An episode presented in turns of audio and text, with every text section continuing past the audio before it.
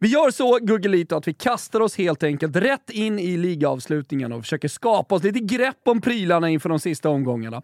Vad har hänt? är svepets vanliga frågeställning. Men idag berättar vi också vad som kommer hända. Ja, ah, det är lite mysigt. Njamo! I England hade Nottingham planerat en escape. Not great but still beautiful.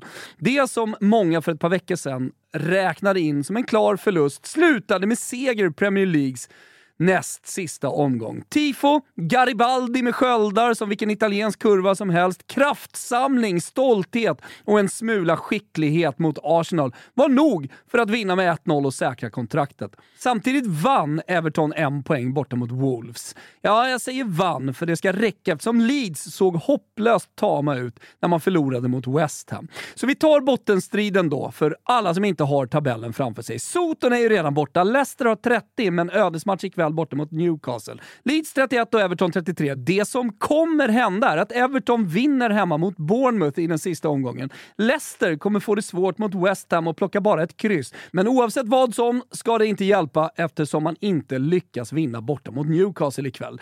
Pole position och bompan hemma är alltså tillräckligt för Everton. Således skickar vi ner Leicester, Leeds och Southampton. Åh nej, klassiska lag ska försvinna. Trams. Sånt är fotbollslivet för klubbar som misslyckas. I toppen då? Arsenal förlorade, men det hörde ni ju nyss. Brighton slog i hopplösa Soton. Liverpool spelade 1-1 mot Aston Villa. United slog bompan och Spurs åkte på 1-3 mot Brentford. Det ger oss fyra Champions League-lag i form av City, Arsenal, Newcastle och United. Bakom skickar vi Liverpool och Brighton till Europa League samt Villa till konferensen. Spurs får noll. Slutligen från England gratulerar vi Die Meister, die Besten, Le Grande Equipe, The Champions, Man City, Man City, Up the City. Eh, till Italien och Europakampen. Lazio slog Udinese efter en del kramp och säkrade en Champions League-plats. Jävla fin övergång. Till Europacupen. Lazio slog Udinese. Jag vet.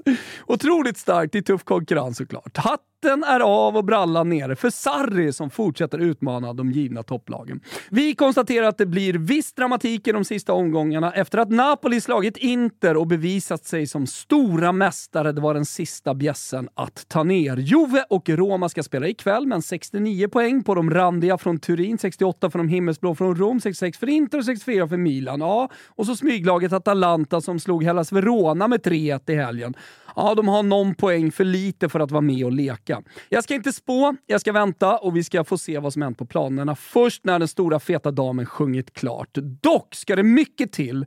Blod ska bli vatten, chilifrukter ruttna och världar kollidera om det inte ska bli Napoli, Juve, Lazio samt Inter topp 4.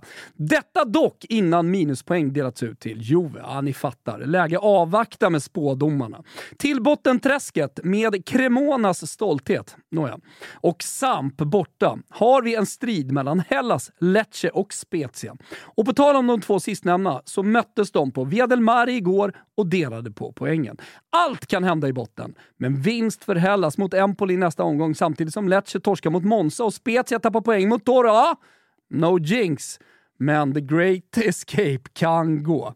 Tyskland då? Stora, buffliga, arroganta tysken va? Mm. Visst är det på väg att hända. Tuchel fumlar bort alles! Ja, genau alles! Copa Mitropa, Interkontinental Cup, Inter-Toto Cup, Vinnarcupen, CL, DFB Pokalligan, you name it! Vilket jävla haveri till beslut det var!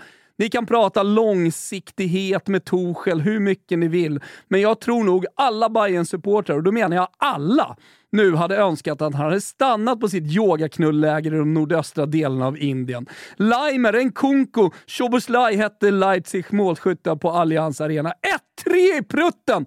Och det är samtidigt som Dortmund vann. Nu har Die Gelbe Mainz i sista omgången och allt i egna händer. Äh men sick, ge mig något grovt Kimpa, ge mig Lasse, ge mig Ghana! För Bayern, de förloraren. Han missar! Han missar! Oh mon dieu, my god, what is going on?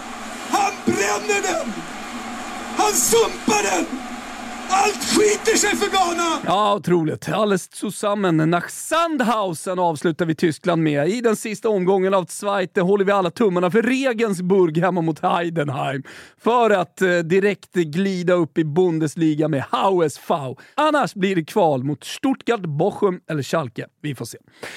Avslutningsvis i Europa gratulerar vi PSG till den 51 ligatiteln i modern fotbollshistoria. Vi skulle kunna prata toppstrid i Spanien där Atleti klev om Real, där Real Sociedad slog Barcelona och mer eller mindre säkrade seriespel. Men nej, jag vill dela ut en gulasch i svepet. Nu är ju Vini Junior kanske inte Guds bästa barn, men det hör inte till. Ständiga rasistiska glåpord och skit utan skydd från knappt något institutionellt håll är för jävla dåligt. Spanien behöver ta itu med sin skit, de behöver ta tag i sina problem med rasismen, de behöver agera med krafttag. Nu är det väl inte fotbollens uppgift att förändra en jävla bajskultur och nedärvt skit i den samlade spanska genpoolen, men en markering, handling, något får de fan göra. Jag backar Vinny. Mäktiga jävla Vinny. Får det tufft i totoballon kanske. Men mitt hjärta är med dig. Spanien, de kan fan dö.